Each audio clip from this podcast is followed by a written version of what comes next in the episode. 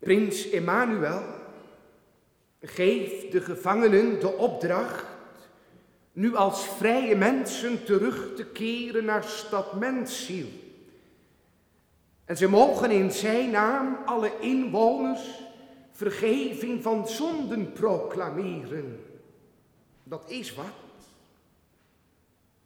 Ook de inwoners die vol spanning daar staan op de muur, weten dan ook niet wat hen overkomt wanneer ze daar ineens de gevangenen zien aankomen, nota bene niet met boeien, maar in witte klederen.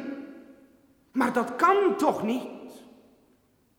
Ze kunnen hun ogen niet geloven, maar, maar zijn ze dan niet ter dood veroordeeld? Op al deze vragen krijgen ze spoedig antwoord uit de mond van de vrijgelaten notabelen. Wat een boodschap. Wanneer de inwoners van Mensiel de volgende dag Emmanuel zien buiten de poorten van de stad, kan ook niemand hen meer tegenhouden. In grote drommen snellen ze de poorten uit, de vorst tegemoet. Ze vallen in verwondering aan zijn voeten neer. En ziet, daar kussen zij zijn voeten en daar smeken zij hem of hij met de zijnen zijn intrek wil nemen in hun stad. O koning, heel onze stad is de uwe.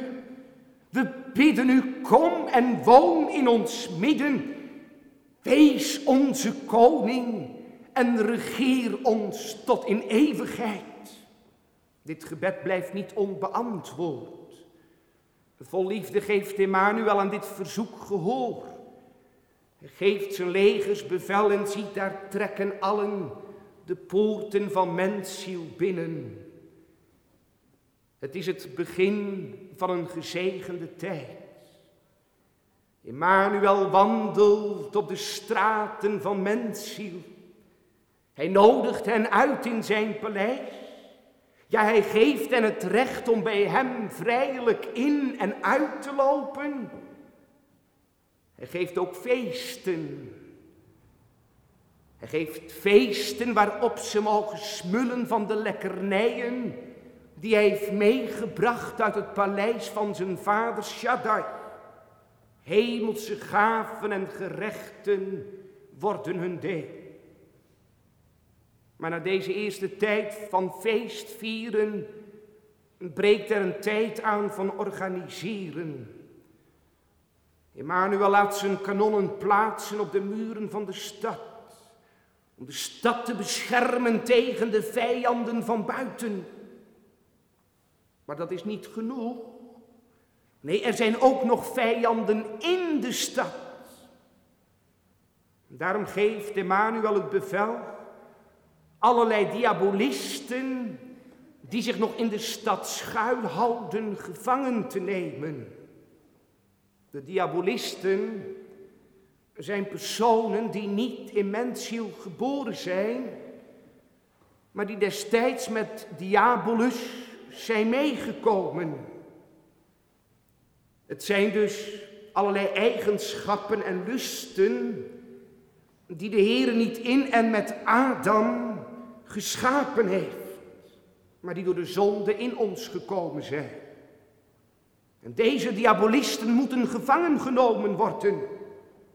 En zo komt het dat de inwoners van Mensiel op jacht gaan. En ziet, daar weten zij verschillende diabolisten gevangen te nemen. Onder andere de heer ongeloof, de heer lusten, de heer vergeet het goede, wethouder atheïst, meneer Hoogmoed en nog vele anderen. En vanuit de inwoners van Mensiel wordt nu een rechtbank opgericht, waarin onder andere de Heer geloof, de Heer oprecht en de Heer zien naar waarheid zitting hebben. Op een geweldige wijze tekent Bunyan hoe de gevangenen stuk voor stuk voor het tribunaal moeten verschijnen. Het is heel frappant dat ze allemaal protest aantekenen tegen de naam waarmee ze worden opgeroepen. De valse vrede zegt, zo heet ik niet. Mijn naam is meneer Vrede. De heer Hoogmoed noemt zichzelf meneer Netjes in huis. Of ook wel meneer Smaakvol. Meneer Hebzucht zegt dat zijn naam meneer Goede Zuinigheid is. Maar de getuigen die zijn opgeroepen weten alles uit te brengen.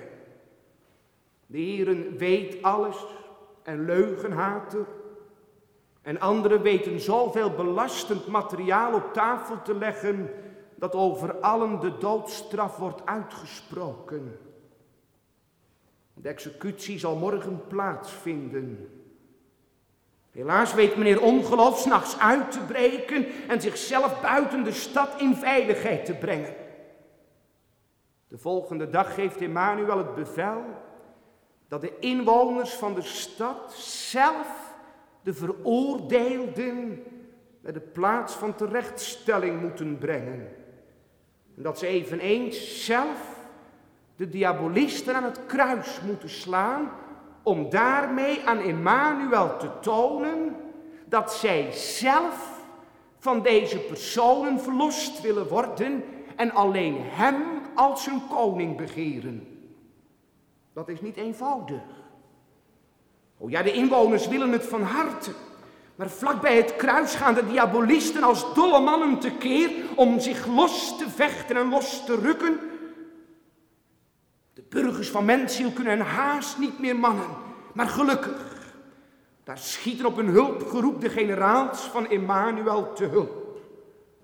De diabolisten worden gekruisigd en ziet daar sterven zij de dood. Hierna verschijnt Emmanuel. Ik heb nu uw liefde gezien, zegt hij.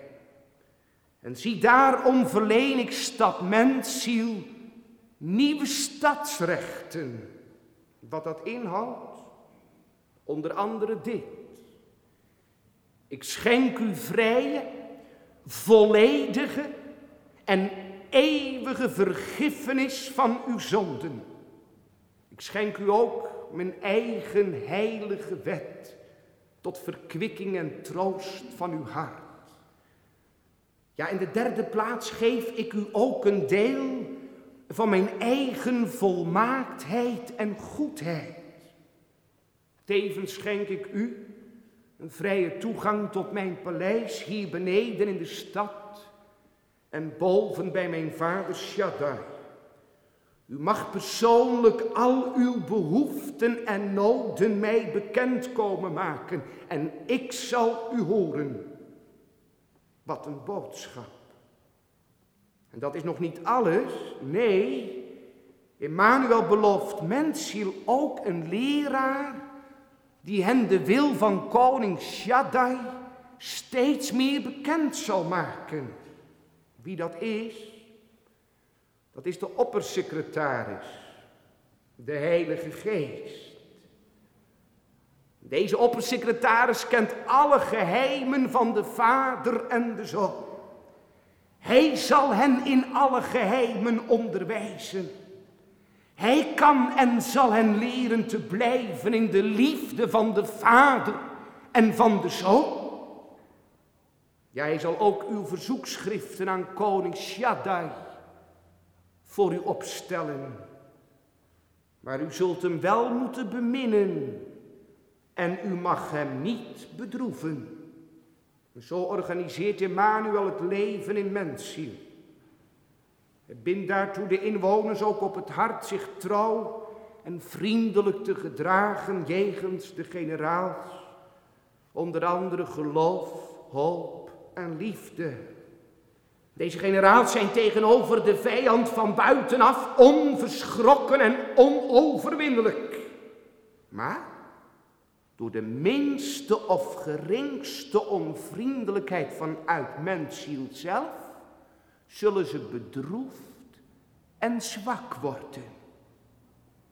En wie zal mensziel verdedigen als zij ziek zijn? Daarnaast zal mensen ook nog moeten letten op allerlei diabolisten die zich nog steeds in de grotten en krotten van mensziel schuilhouden. Wees waakzaam. Verslap niet.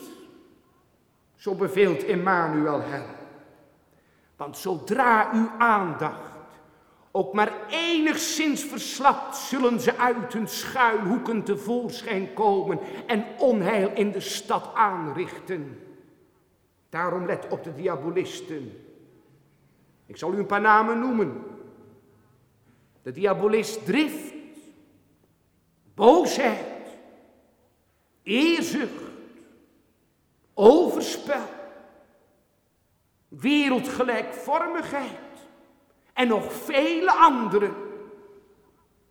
En ziet als laatste daad, stelt Emmanuel de Heer Gods vrede aan als ambtenaar van mensziel. Hij is afkomstig van het hof van Shaddai en nog familie van de generaals geloof, hoop en liefde.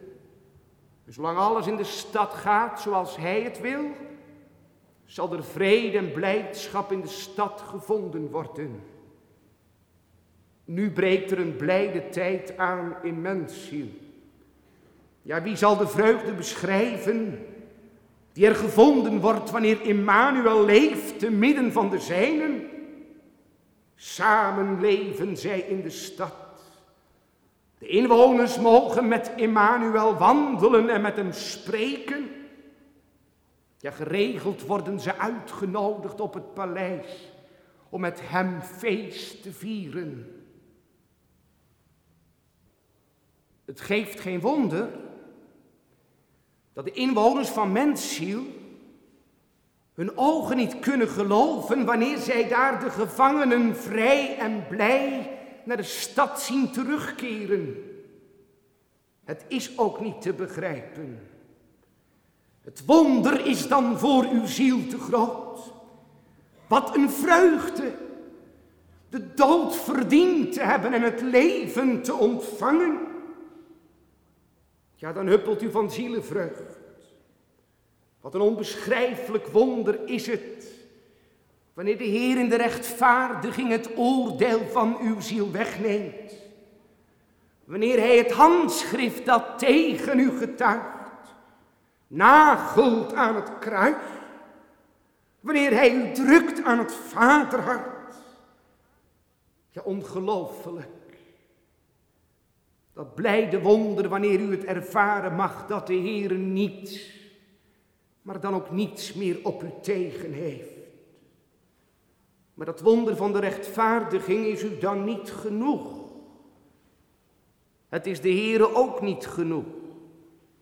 De Heer heeft in die weg van de vergeving der zonden van de rechtvaardiging een nog veel heerlijker, een nog veel rijker doel voor ogen. In de rechtvaardiging heeft de Heer het gemunt op de heiliging. En dat is het nu wat bij Bunyan zo bijbels en harmonisch met elkaar verbonden is. Want wat gebeurt er wanneer het volk blij is met die totale vergeving? Wat gebeurt er wanneer zij buiten de stad Emmanuel zien? Oh, dan gooien zij de poorten open en ze snellen naar deze vorst. Ze kussen zijn voeten. Zij aanbidden hem en ze smeken hem in de stad te komen wonen. Ja, dat wonder van de rechtvaardiging vraagt om een vervolg. Vraagt om het vervolg van de heiliging. Vraagt om dat zalig leven uit te heren en met de Heer. O, dan bid u met hart en ziel die vorst Emmanuel intrek te nemen in uw hart en leven. Dat is dat aanbiddelijke leven waarin het antwoord gesmaakt wordt op de vraag hoe ik gouden voor zulke verlossing zal dankbaar zijn. Daar gaat het u dan om. O Emmanuel, ik bid u, woon in mijn hart. De rechtvaardiging en de heiliging mogen en kunnen niet van elkaar gescheiden worden. Ze horen bij elkaar zoals de trouwdag en het huwelijksleven. Het is een slecht teken wanneer iemand opgaat in zijn of haar rechtvaardiging. Het is niet mogelijk gerechtvaardigd te zijn en dan punt uit. Wee degene die zegt, ik ben gerechtvaardigd toen en toen. Zonder dat hij leeft in die zalige en tere gemeenschap met de Heer. Dat is hetzelfde als wanneer iemand verlof spreekt over zijn trouwdag in 1960 en voor de rest niets weet te vertellen. Ik vind het belangrijker te horen dat u gelukkig bent vandaag met al uw zorgen, dan te horen dat u in 1960 400 man op uw bruiloft hebt gehad. Het is heerlijk een stralende trouwdag gehad te hebben. Maar het is nog veel rijker samen gelukkig te zijn. In verbondenheid met elkaar te leven van dag tot dag tot op de dag van vandaag. Veel rijker is het dat u ervan weet te spreken dat u dichter naar elkaar toegegroeid bent. Dwars door voor- en tegenspoed heen. Voelt u? Zo zouden wij de heiliging, het huwelijksleven met Christus kunnen noemen. En trouwt Hij ons in de rechtvaardiging, in gerechtigheid en in gericht. Het leven der heiliging is dat geestelijke huwelijksleven. Dan leeft u ook niet met oude koeien. O ja, er mag met dankbaarheid worden teruggedacht. En verhaald worden van hoogtepunten en ook van dieptepunten. Maar er is wel meer dan dat. Ja, dan hebben man en vrouw als zij elkaar hartelijk lief hebben en innig met elkaar leven, elke dag weer nieuwe gesprekstof.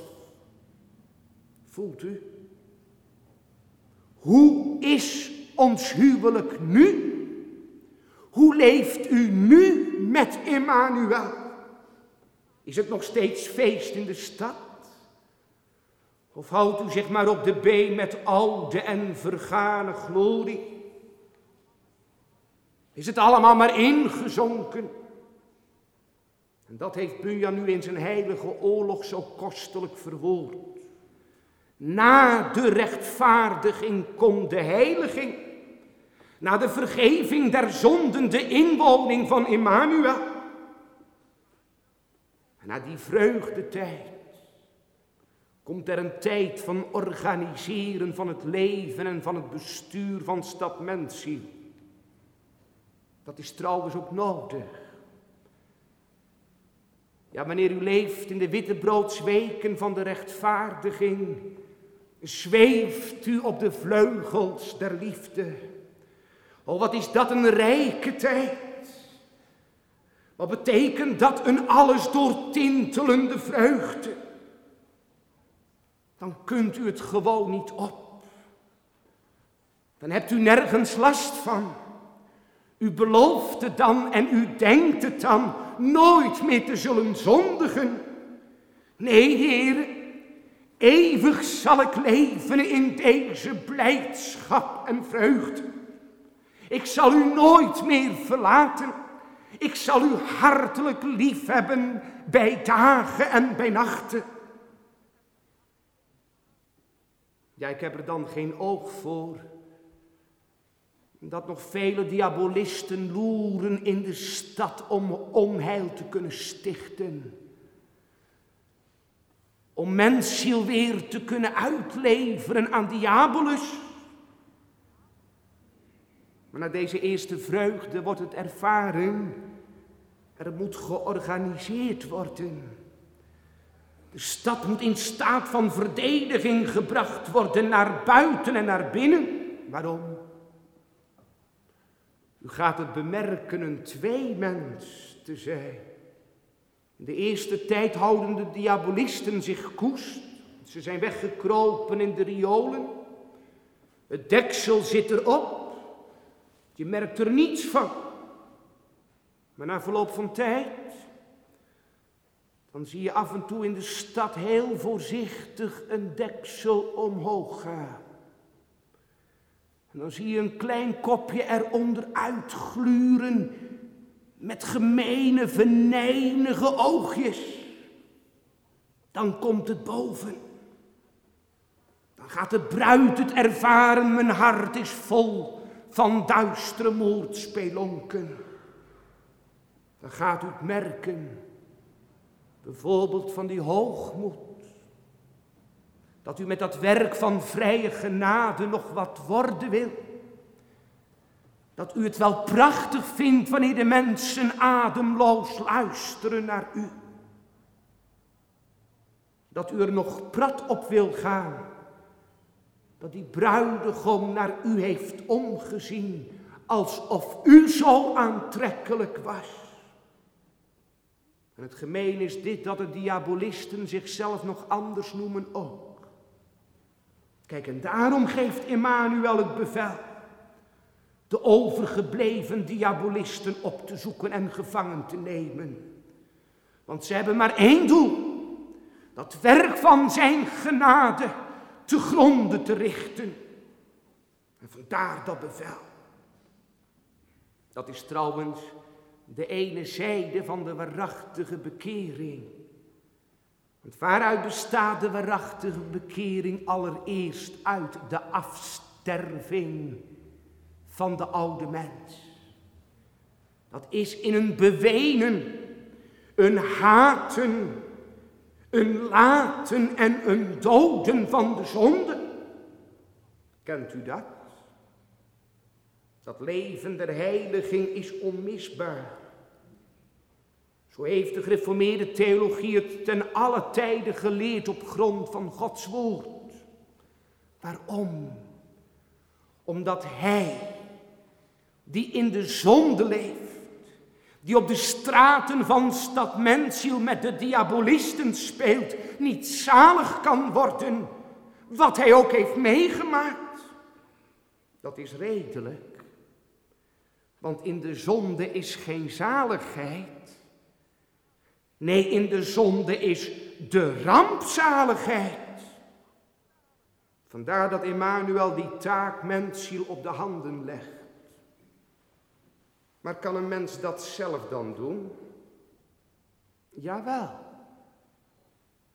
Maar daarbij gaan we nog de weg van Rome op, nog de weg van de antinomianen. Rome leert namelijk dat Gods genade in het begin mijn wilskracht herstelt en de rest moet ik dan maar zelf doen. Het antinomianisme daarentegen leert dat en de gerechtigheid en de heiligheid allebei objectief buiten mijzelf liggen en blijven liggen in Christus.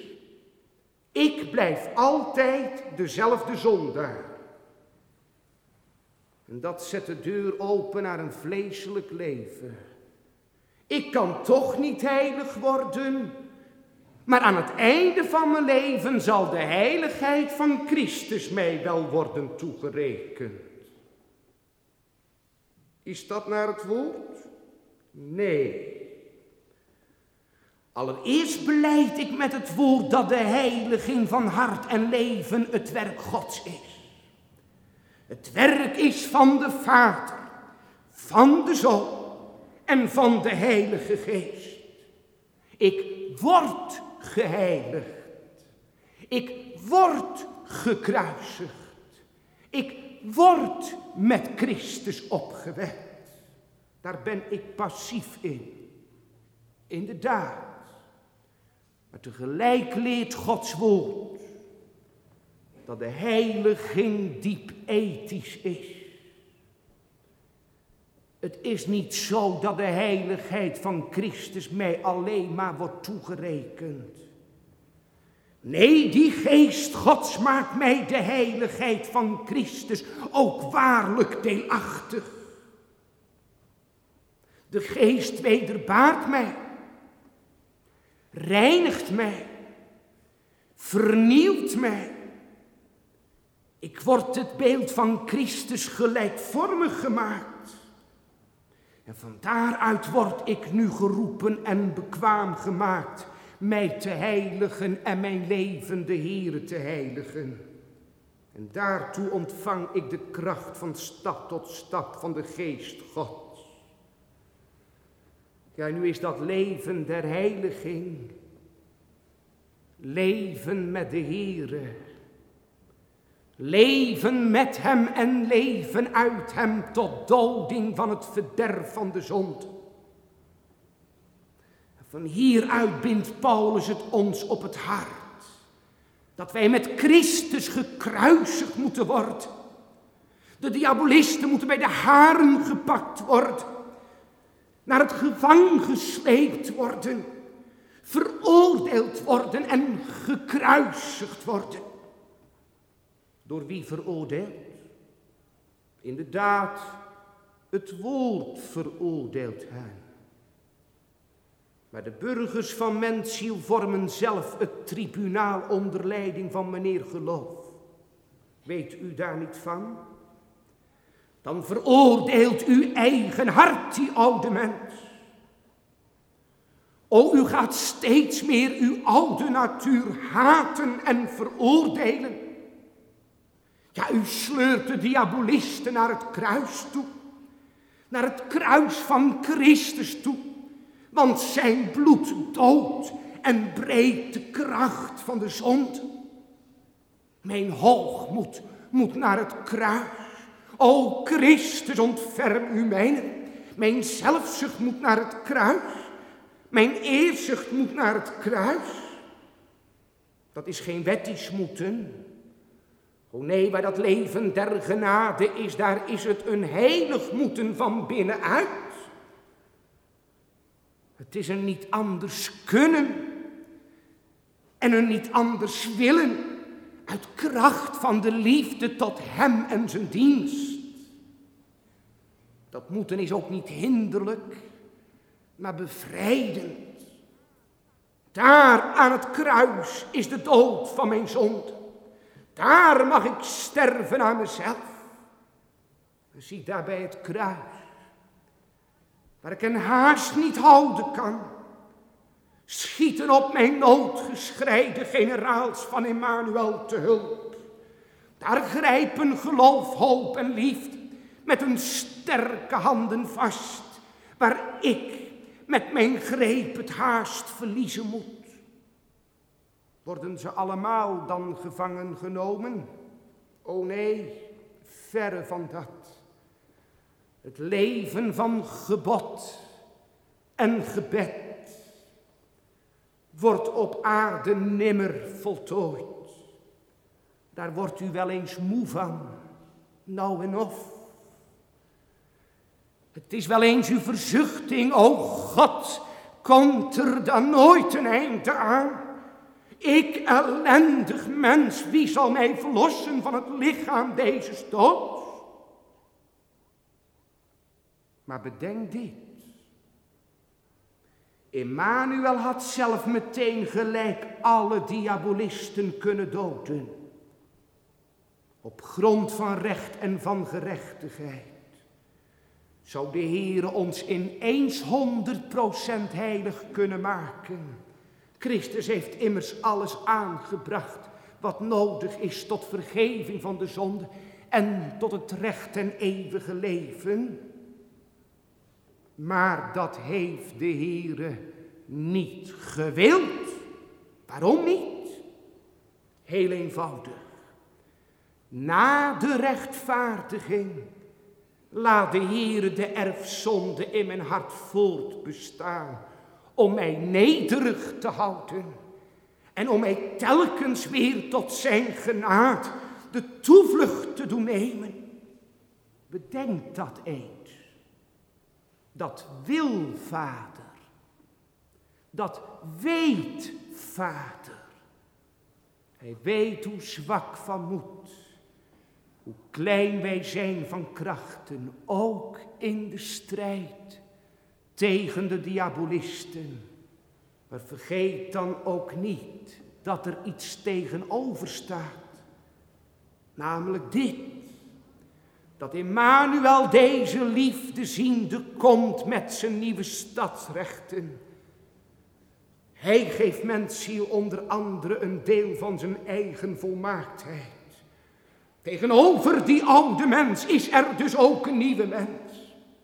Dat zou u wel eens vergeten, maar toch is het zo.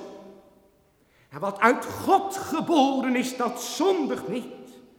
Dat kan ook niet zondigen, want het is de natuur van Emmanuel. Door de wedergeboorte wordt u, zoals Petrus zegt, de goddelijke natuur deelachtig.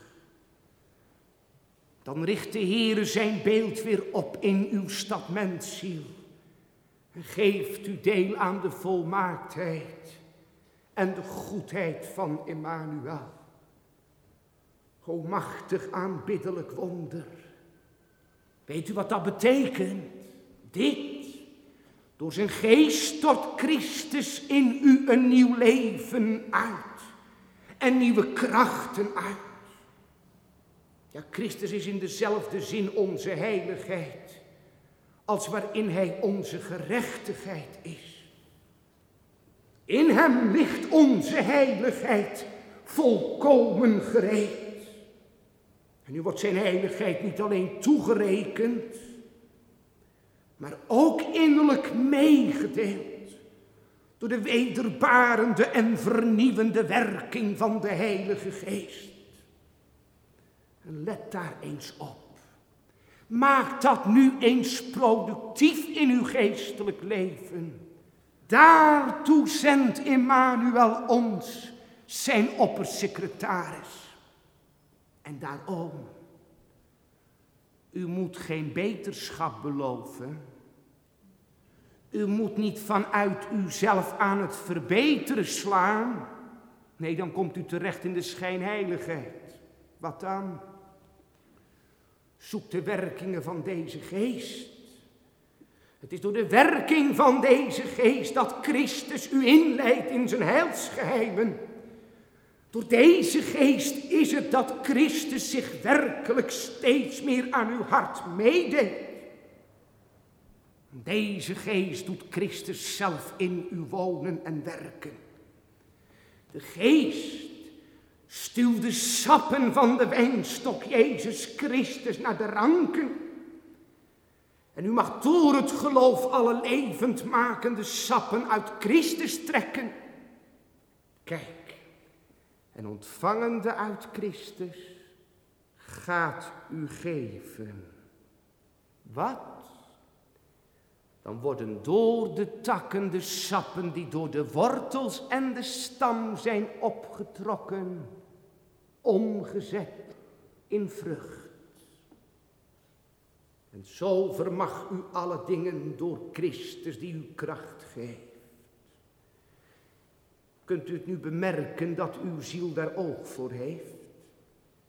Heeft uw ziel steeds meer en steeds hartelijker behoefte aan het werk van die oppersecretaris? U hebt dat beeld van die Christus toch wel lief? Zijn liefde, zijn zachtmoedigheid, zijn ootmoedigheid, zijn gehoorzaamheid. Zoek dan toch de werkingen van de geest. Want die geest wil waaien in zijn hof, maar hij komt niet aanwaaien. U mag die geest niet leidelijk afwachten. U mag hem wel biddend verwachten. Nou en of. Want een ieder Shaddai in de naam van Emmanuel bidt om de oppersecretaris, zal hem ontvangen. Dat is uw stadsrecht.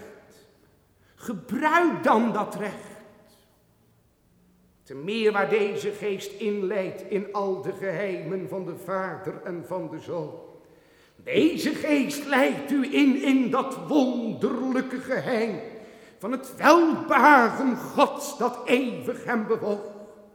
Ja, deze geest verandert u als van heerlijkheid tot heerlijkheid. Hoe? Paulus schrijft, door u met ongedekt aangezicht in een spiegel de heerlijkheid des Heeren te laten zien. Daar hebben we het. Wij kunnen Gods heerlijkheid op aarde niet direct zien. Dat zou nu nog te veel zijn. Maar wel indirect. Wel in een spiegel. Ja, nu mogen we wel de weerspiegeling, de afspiegeling van des Heeren heerlijkheid zien. Wat die spiegel is. Het woord van de geest. Wat schittert in dat woord allerwege Gods heerlijkheid. Wat schittert daar de heerlijkheid van de liefde Gods. Ja, van al de deugden Gods. O, wat schittert daar Immanuel in zijn vernedering, maar ook in zijn verhoging. En weet u wat nu het gevolg is van het zien van die heerlijkheid? Paulus zegt in 2 Korinthe 3, vers 18, dat wij dan naar hetzelfde beeld veranderd worden. Van heerlijkheid tot heerlijkheid als van des Heeren geest. Daar hebt u nu het geheim van de heiliging. Er is alleen maar heiliging door het zien van Gods heerlijkheid in zijn woord zien we door de geest Christus beeld, dan weerspiegelt dat beeld zich in onze ziel. Als u bijvoorbeeld met een verwonderd oog door de geest met uw ziel mag wijden in de heerlijkheid van Christus liefde, dan neemt u iets van dat beeld mee in uw ziel. U krijgt die liefde in het hart. En door die liefde wordt u veranderd door de vernieuwing van uw gemoed. In sprankelende liefde gaat dan uw ziel als vanzelf in wederliefde naar de Heere uit, om Hem te omhelzen en te aanbieden. Door het zien van de heerlijkheid van Christus heiligheid. Dan krijgt u het beeld van heiligheid. En dat beeld kan met de zonde geen gemeenschap hebben. Het haat de zonde. Het vliet de zonde. O, wat schittert zijn heilig beeld in het woord. Hij kon de zonde niet goed praten. Hij kon met de zonde geen gemeenschap hebben. En wanneer u dat beeld ziet in het woord, dan laat het wat na in uw ziel. Weet u daarvan?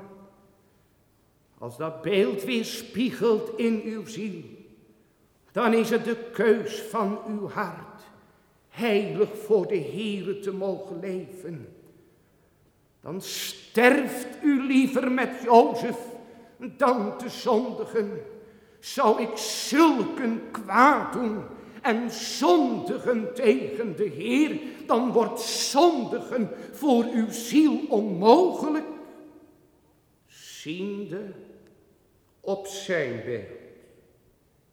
En door het zien van de heerlijkheid van Christus kinderlijke gehoorzaamheid, word ik gehoorzaam dan vraag ik het als vanzelf in die tierheid van het hart. Heere, Abba Vader, wat wilt u dat ik doen zal? Ziet u het? De geest deelt de heerlijkheid van Christus mee. Hij verandert uw hart, uw denken, u willen naar het beeld van Christus. Welke heerlijkheid u ook in hem ziet. Het laat altijd wat achter in uw ziel. Zo is de bron van de heiliging alleen in Christus heerlijkheid. Dat is nu het leven van de heiliging. In kinderlijke afhankelijkheid leven uit de vraag van het geloof. Wat wilt u dat ik doen zal? Het is die innerlijke overgave van het hart om met hem en voor hem te mogen leven. En die volheid is nu in hem, in Emmanuel, van wie de generaals het verkondigen mogen dat hij van het uitdelen niet armer en van het inhouden niet rijker wordt.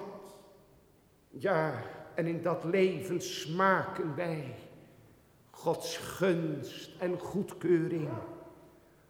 Dan speelt het lieflijk licht van zijn vriendelijk aangezicht in uw ziel. Wat dat leven concreet is. Calvijn vat dat leven samen in drie hoofdmomenten. Het is allereerst een verlaten van de goddeloosheid en de wereldse begeerlijkheden.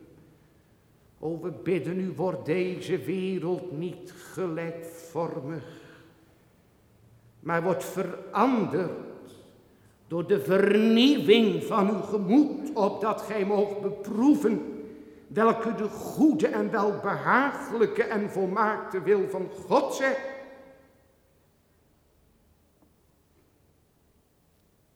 En tegelijk is dat sober leven voor onszelf rechtvaardig leven ten opzichte van de naaste en kinderlijk en vroom tegenover de Heere. Het is in de tweede plaats een leven in zelfverloochening.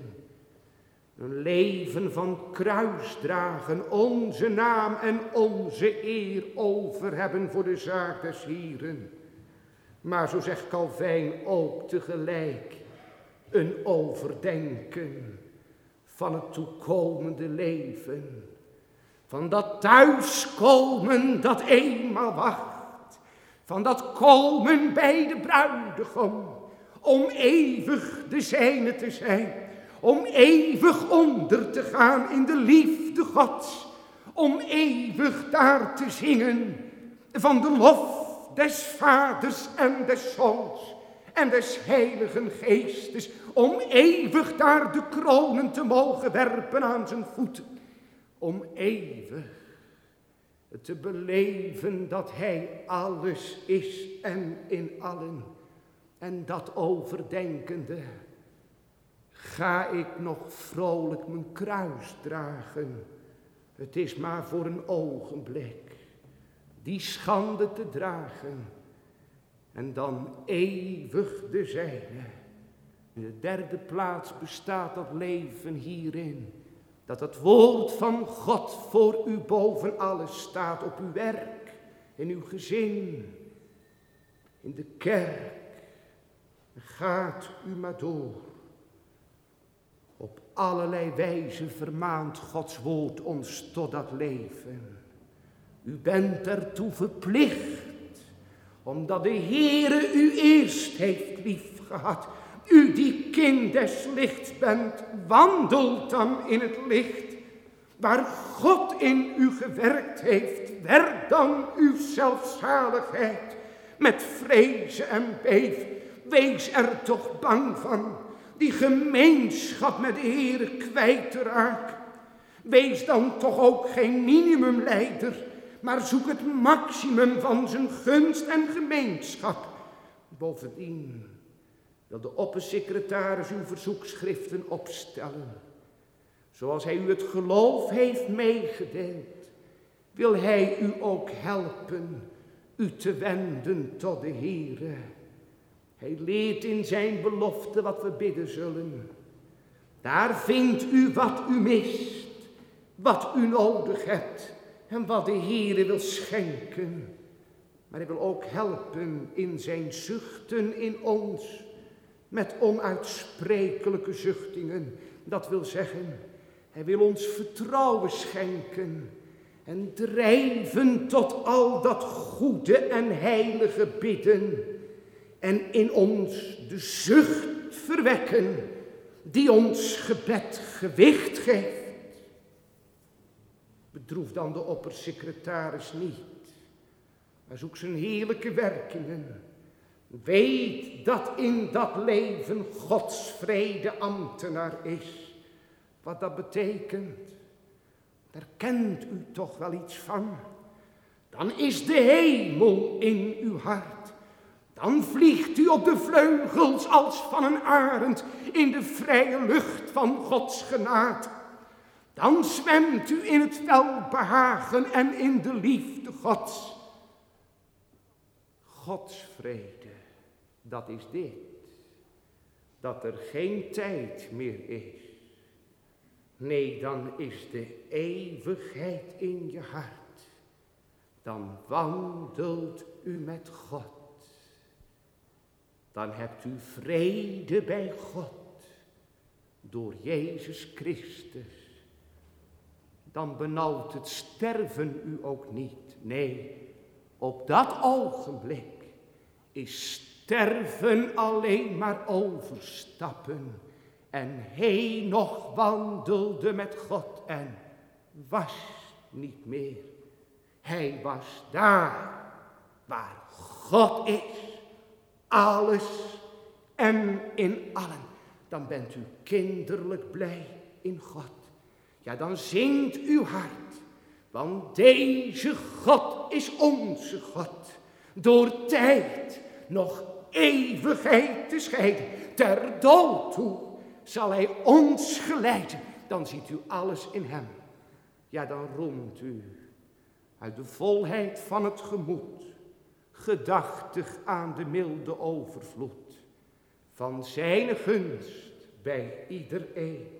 Ja, dan juicht u van al zijn gerechtigheid, dan zingt u het. De Heere is goed en vriendelijk en weldadig, barmhartig, mild, langmoedig en genadig. Hij doet zijn gunst aan allen ook aan mij klaar bemerken. Zijn goedheid is verspreid op al zijn werken. Ziet u in dat leven dan geen heerlijkheid? Zoek het dan door de geest in deze Emmanuel, die door Shaddai u niet alleen geschonken is tot volkomen gerechtigheid, maar ook tot volkomen heiligheid. Lof zij Shaddai, lof zij Emmanuel, lof zij de oppersecretaris, ja, tot in eeuwigheid. Amen.